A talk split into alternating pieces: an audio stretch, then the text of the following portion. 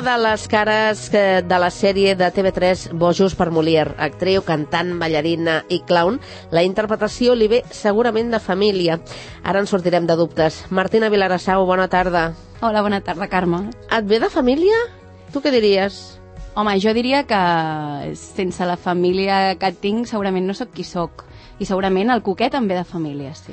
El coquet et ve de família, però tu en algun moment tenies pensat fer alguna altra cosa que no estigui relacionada amb el món de, de, la interpretació? I tant, sí. Sí? A mi, jo quan estava estudiant el batxillerat, una de les coses que encara, bueno, a mi m'agrada moltíssim és la filosofia i les humanitats. Vull dir que això de, de filosofar, de fer-se preguntes, de, de qüestionar-se, sempre m'ha agradat moltíssim. I d'altra banda, una de les altres coses que sempre m'ha agradat, que potser ha sortit més recentment, són el tema de l'humor, els jocs de paraules i l'escriptura, podríem dir. Ja. I relacionat amb això també el periodisme, no? Sí, de fet, jo vaig estudiar periodisme. Quan vaig acabar el batxillerat, eh, em vaig anar a fer periodisme, el que passa que mm, la carrera no, no em va enganxar, no em va acabar de motivar. Jo volia segurament aquesta part del periodisme que, que és crític i em vaig trobar que d'alguna manera era una màquina de reproduir notícies, no? I aquesta part humana no la vaig trobar i aquí és on se'm va despertar l'interès cap al teatre o quan vaig tenir l'oportunitat des de la desmotivació de llançar-me en aquest món que em requeria una mica d'atreviment i de valentia per, per presentar-m'hi, no? Ja, ja, ja. Quins canvis. I què haguessis fet dins del periodisme? Què, què t'hagués... Ah, doncs mira, m'hagués agradat molt fer periodisme de, bueno, de viatge, de, de estar en... O sigui, ser reportera, d'estar viatjant i, i estar en entorns diferents al meu, de fet. Uh -huh. Però per transmetre històries de, de quin caire? De Humanes, quin tipus? jo crec que sempre m'ha interessat eh, eh, veure com viu, viu la gent a altres llocs, veure quines són les programàtiques més locals en, en d'altres llocs, connectar amb la gent de manera més propera, mm, viure-ho també. I els viatges també és algo que sempre m'ha interessat, vull dir, les altres cultures, els, pen el pensament diferent... Mm. De fet, a tu t'agrada viatjar sola. Molt, m'agrada molt. Sí. I ho has fet- També m'agrada acompanyada, eh? Però sola ho has fet moltes vegades? És Bueno. que trobo que és... A mi em vindria molt de gust, però no sé, em, em costa, eh? Doncs m'agrada la pregunta, perquè no és una cosa que se m'hagués passat pel cap. Vaig fer el meu primer viatge arrel d'una crisi que vaig tenir, que estava així una mica baixa d'ànims, i me'n vaig anar a fer el Camino de Santiago sola un mes, me'n vaig anar a caminar. Uh -huh. Durant un mes hi vaig fer el Camino del Norte, i allà va ser com... Vaig... Em va agradar moltíssim l'experiència de poder triar en quins moments estava sola, en quins moments socialitzava, i, bueno, agafes molta autoestima, et comen comences a veure que pots prendre decisions sol, perds pors, i va ser com... Va ser com una revelació aquest viatge. El recordo moltíssim, tenia 26 anys, i després també vaig estar un viatge... Vaig anar a Cuba sola, també, un temps. No n'he fet gaires més, eh? Però sí que és una cosa que m'agrada És molt. com molt terapèutic. Molt. És una manera d'estar amb tu mateix i de sortir del soroll, jo crec. De, Mm. De poder tenir com un espai per tu fora d'allò quotidià, també. Quan viatges també és una oportunitat per contactar amb espais que els pots mirar d'una altra manera. Que no vol dir que la, que la vida no podem mirar-los així, però al, a l'estar en un entorn diferent crec que tens la possibilitat de llegir diferent, d'observar diferent, i això sempre per mi és estimulant. Mm. Una mica el repte és portar-ho en el meu dia a dia, no?, aquesta manera de mirar, però Ja, ja. el viatge t'ho permet. Eh, Explica'ns una mica com van ser els teus inicis en el món de la interpretació. Que tu, que tu recordis, els inicis. A veure, si, si jo penso en el que jo recordo, jo de molt petita he anat al teatre. La meva mare és directora teatral, a casa sempre hi ha hagut molts llibres de teatre i sempre amb el meu pare, la meva mare i la meva família hem anat a, a veure molt teatre i molts espectacles de molts tipus. Aleshores, els meus primers records són de molt petita d'espectadora. Recordo que en un muntatge que em va marcar en certa manera perquè em va agafar por a mig espectacle, hi havia un so d'un tren i, i el recordo molt sensorialment aquell moment. I llavors els meus primers records són com a espectadora. Després em va interessar la, la, tot el que comportava mm, veure la companyia mentre assajava. No tant l'espectacle, sinó els assajos, els vincles que es fan entre la companyia, aquesta cosa de viure una cosa molt intensa durant poc temps. I, i després, evidentment, el primer cop que vaig posar-me a la pell d'un personatge va ser Pedra i Sang, aquí a Sant Cugat, quan tenia 9 anys. 9 anys? Sí. I què feies? Quin paper feies? Feia de nena del poble, can...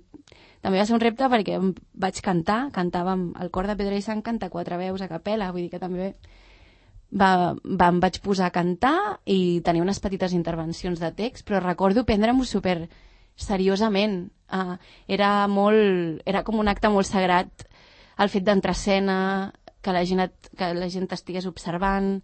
Era molt conscient de que estàvem explicant una història i em concentrava moltíssim. I era com un, una altra vida dins la vida, no?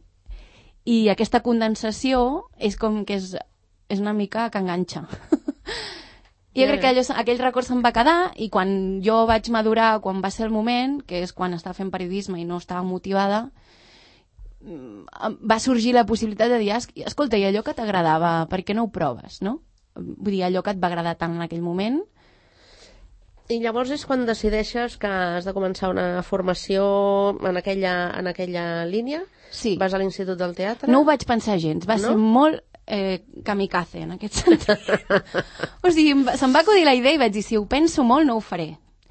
Aleshores, recordo mirar la convocatòria, que s'acabava la convocatòria el dia següent. Jo sempre soc una persona que vaig una mica a última hora, això també em passa, però en aquest sentit em va anar bé, perquè si ho hagués pensat molt, potser m'hagués retirat. Però vaig veure que l'endemà s'acabava la inscripció, em vaig anar a inscriure a últim moment i em vaig preparar les proves d'accés de l'Institut del Teatre molt a correcuita, no ho vaig dir quasi ningú, perquè no volia que ningú intervenís amb la meva decisió. I, i vaig ser molt kamikaze en aquest sentit, perquè va ser una intuïció que vaig sentir i i, va, I vaig pensar, mira, si no entro ja continuaré periodisme, però si entro ho deixaré. I ho vaig deixar i vaig començar a l'institut. I és, de la, és la millor decisió que he fet mai, eh? Vull dir que estic molt contenta d'haver-la triat. A, a més a més d'aquesta formació, eh, també tens la musical, que has fet mm -hmm. a mm-hmm. l'Escola de Música Victòria dels Àngels, sí. aquí a Sant Cugat, la dansa, amb l'Escola de Dansa de, de la Laura Esteve, mm o sigui que tens una formació com molt, molt completa. Eh, mm, suposo que ets jove. Encara et falta... Espero. Ets... No, no. Això és una... És, una... és l'esperit, no? Però dic que... Eh, M'imagino que deus estar esperant, potser, o, o en, alguna, en algun moment has, has pensat en el paper aquell complet, no?, que et faci fer una mica de tot i que mm. t'hi sentis una mica... Eh, sí. més completa, no? Sí, a veure, en el fons jo crec que en qualsevol paper pots posar-hi tot el que saps. Vull dir que no que penso que hi hagi un paper on, on, on sí, hi hagi mm -hmm. complet, sinó que és tu que hi poses tot el que, el que creus. Um, el que deies, jo crec que la, la música i la dansa són llenguatges que m'han ajudat molt teatralment. És a dir, jo agraeixo moltíssim des de petita haver connectat amb la música i la dansa perquè inevitablement també em van influenciar la meva tria, jo crec. Um, que, que jo entenc el, te el, el teatre com un entramat de molts llenguatges diferents i la música i la dansa han estat presents a la meva vida sempre. Sempre m'ha agradat molt ballar, ja, la música segurament més de part del meu pare, el meu pare tenia un grup musical quan era jove, sempre a casa meva hem, hem escoltat gent cantar, molt seleccionada, però hi ha hagut una tria musical, sensibilitat cap a la música, i, i jo la gaudeixo molt. La, la, la música la faig servir com a teràpia, també, emocionalment, no? Com acompanyar en uns moments on jo necessito emocionalment obrir-me, doncs em poso la música que considero. Uh -huh. I d'altra banda, per passar-ho bé, i escolta'm una cosa, professionalment, quan és el teu inici en, en el món de la interpretació eh, teatral, no? Mm -hmm. Perquè el teatre és el, sí. el, el primer dels, dels escenaris on... Sí, jo... Em, em costa molt triar quin és el meu inici, perquè, com et dic, jo, jo he fet teatre abans d'estudiar-lo. Per tant, jo no crec que hi hagi un inici marcat. Eh, jo he participat aquí a Sant Cugat en moltíssimes lectures a la fresca, vull dir que jo estava fent lectures a la fresca amb, amb 15 anys, que encara no estava ni fent batxillerat. Per tant, per mi el meu inici amb el, amb el teatre és abans de la meva carrera. El que si parlem de quan jo vaig acabar l'Institut del Teatre, que sí que és veritat que és després de tota aquesta formació, on jo em sento molt segura, no? I mm. ja començo a tenir com bueno, sento que tinc unes eines que ja puc començar a fer servir també com a, com a actriu creadora i com a, amb una decisió personal, amb un criteri. Va ser just, mira, va, va ser molt bonic perquè, i a més és, és un fet molt important a la meva vida, en molts àmbits, que és, va ser just a l'acabar l'Institut del Teatre, que van venir a fer un càsting allà, una companyia de França, que ha- havien pensat fer un projecte amb actors de França i actors d'aquí, de, bueno, de l'estat espanyol. I on se'n van anar a diferents escoles de teatre, van estar a Madrid, a Canàries, a l'Institut del Teatre de Barcelona, i ens van fer càstings a diferents promocions. I, i jo aquell càsting el vaig gaudir moltíssim i vaig tenir una molt bona vibra. I just em van dir que m'havien agafat, justament amb una, amb una ballarina canària, amb un actor de Madrid, que és el Luis Tausia, i amb en Pau Poc, que no estudiava a l'institut, però que també és d'aquí a Barcelona, actor, molt bon actor, molt bon amic. Ens vam fer amics aleshores, um, i me'n vaig, ens en vam anar a França, allà directes, vaig acabar Mhm. l'institut i al setembre, a posar el juny, i al setembre estava vivint a París creant amb, amb tota aquesta companyia. I va ser una experiència a molts nivells, a nivell professional, a nivell vital... Jo no havia fet un Erasmus, llavors per mi també va ser com viure Clar, una amb una llengua. similar. Jo en aquell moment no sabia francès i el vaig aprendre allà, vull dir que va ser molt estimulant i el, guardo molt aquesta experiència com el com l'experiència teatral potser més professional també a nivell de que me'n vaig anar fora, no? Vaig veure com funcionava el teatre a França, va ser molt estimulant. Mm. I el món de la tele? Hem començat fent referència al Mm. que ara mateix estem eh, veient, aquest Bojos per eh, Molière. Mm. Eh, quina és la teva experiència en el món de la tele? La, quina ha estat la teva relació?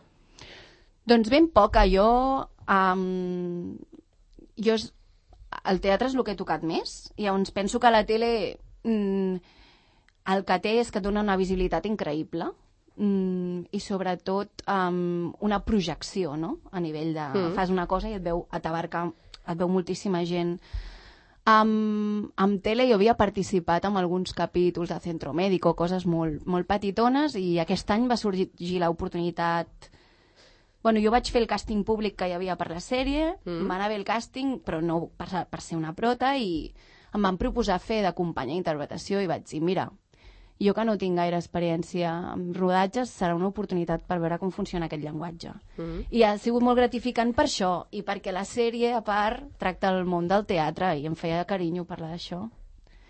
Eh, parlar de l'Institut del Teatre als anys 90, i tot plegat vaig pensar, és com un bombonet, no? El fet de poder-ho veure, poder fer de, de, d'alumne d'interpretació quan jo ho he sigut realment, era com molt metateatral també, tot plegat. I de tots els papers que, que has fet, eh, abans et preguntava quin seria per tu aquell paper que segurament esperes i que seria el més complet.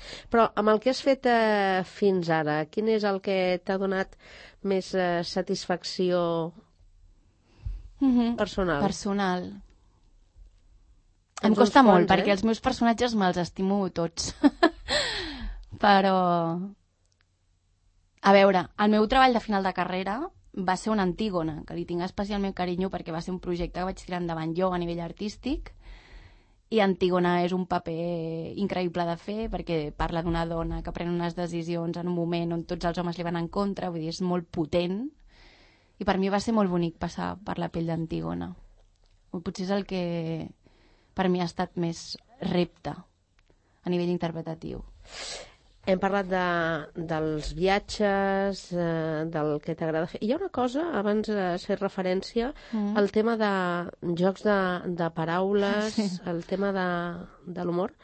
Eh, és veritat que estàs eh, treballant en un llibre, no sé, és, un Sí. llibre que estàs fent que té relació amb això del joc de paraules. Sí, mira, això, això és algo que, que m'ha passat ara. Mm, Des de ben petita sempre m'ha agradat riure. El meu germà em feia molt riure de petita i el meu, bueno, a ca- a casa meva hi ha molt sentit de l'humor, pod- podríem dir. Mm? Aleshores jo estic entrenada per veure la vida uh, des del sentit de l'humor. D'aquesta perspectiva. Sí, o almenys m'agrada. I, I a l'Institut del Teatre els meus, els meus amics em van començar a dir ai, Martina, ets molt ràpida amb els jocs de paraules. És com que ho vaig començar a veure, que ho feia inconscientment, i un amic meu, en Jaume Vinyes, que també és actor, un dia em va dir, Martina, has de fer un llibre ja sobre jocs de paraules, perquè tot això que et passa el dia a dia ho has de recollir a algun lloc. I vaig dir, és veritat. I llavors he començat a fer una, una recopilació de bromes meves, però encara li, li he de donar el format. Uh -huh. No sé quin format tindrà. Jo sé que em vull fer un llibre i que un amic meu l'il·lustrarà i serà un compendi entre text i, i dibuix però en, no et sé dir quin format tindrà, però sí que he, agafat aquesta part que també és meva i que em defineix bastant, perquè la gent que em coneix de prop i a nivell íntim sap que, que és una de les meves facetes i que és inevitable que jo faci jocs de paraules. Llavors, mm. ho, he, ho he volgut explotar ara. En aquest moment de la meva vida, eh? Fa cinc anys t'hagués dit, ui, què dius? No. Però ara sí. Ara que parlaves de, de l'humor, del, del bon humor, digue'm alguna cosa que t'hagi fet riure últimament. Uh, em fan molt riure a, a, als nens petits. Uh, la meva neboda. Ara mateix tinc una mm. neboda de 3 anys que està que formula les frases de manera diferent perquè està descobrint la vida i la seva manera de mirar és, és molt innocent i això em produeix, mm, ja no és tant riure, sinó tendresa o... Sí, un riure bonic, no un riure potser tan intel·ligent com... Però els nens petits m'acostumen a fer riure en un sentit de que em sorprenen. I uh -huh. la Juliana em fa molt riure.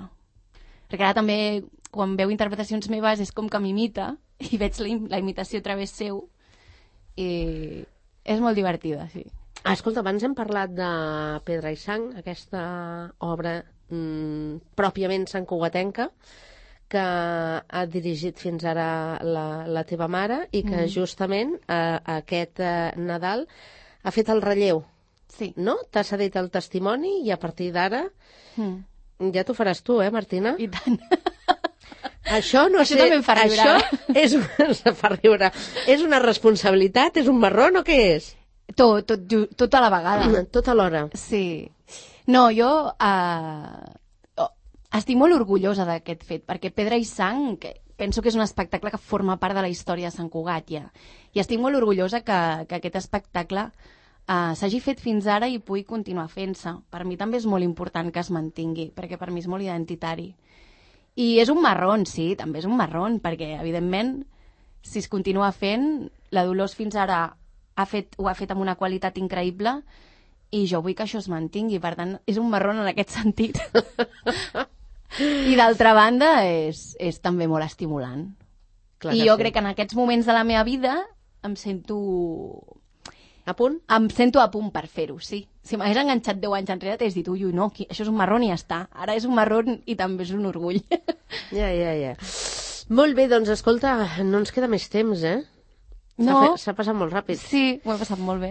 Uh, aquesta estona de conversa la tancarem amb un tema musical que tu has triat. Uh -huh. És un tema també molt especial. Explica'ns quin és. Sí. Per què l'has triat? Molt ràpidament, que vale. el comencem a escoltar. El tema es diu Nina de Miraguanos, del Pau Riba i l'Orquestra Fireluche em venia de gust fer-li un homenatge al Pau Riba perquè és un nou, una persona que també ha portat l'humor i la seva manera de mirar la seva música i perquè aquesta cançó en especial per mi és un homenatge a, la, a, la manera, a una manera de mirar la vida molt, molt pura i l'he triat per la lletra i per la música, per les dues coses que són inevitables. La, I la, la puc dedicar? Vinga, ràpid. Sí, la dedico a la Juliana, que és la meva neboda, i a la Caral, que naixerà ah. el proper abril, que serà la seva germana. Mira, una més per venir al món. Gràcies, Martina, que vagi molt bé. A tu. Bona tarda. És estimar involuntàriament, imperfectament, inevitablement. I que si t'enamores d'algú,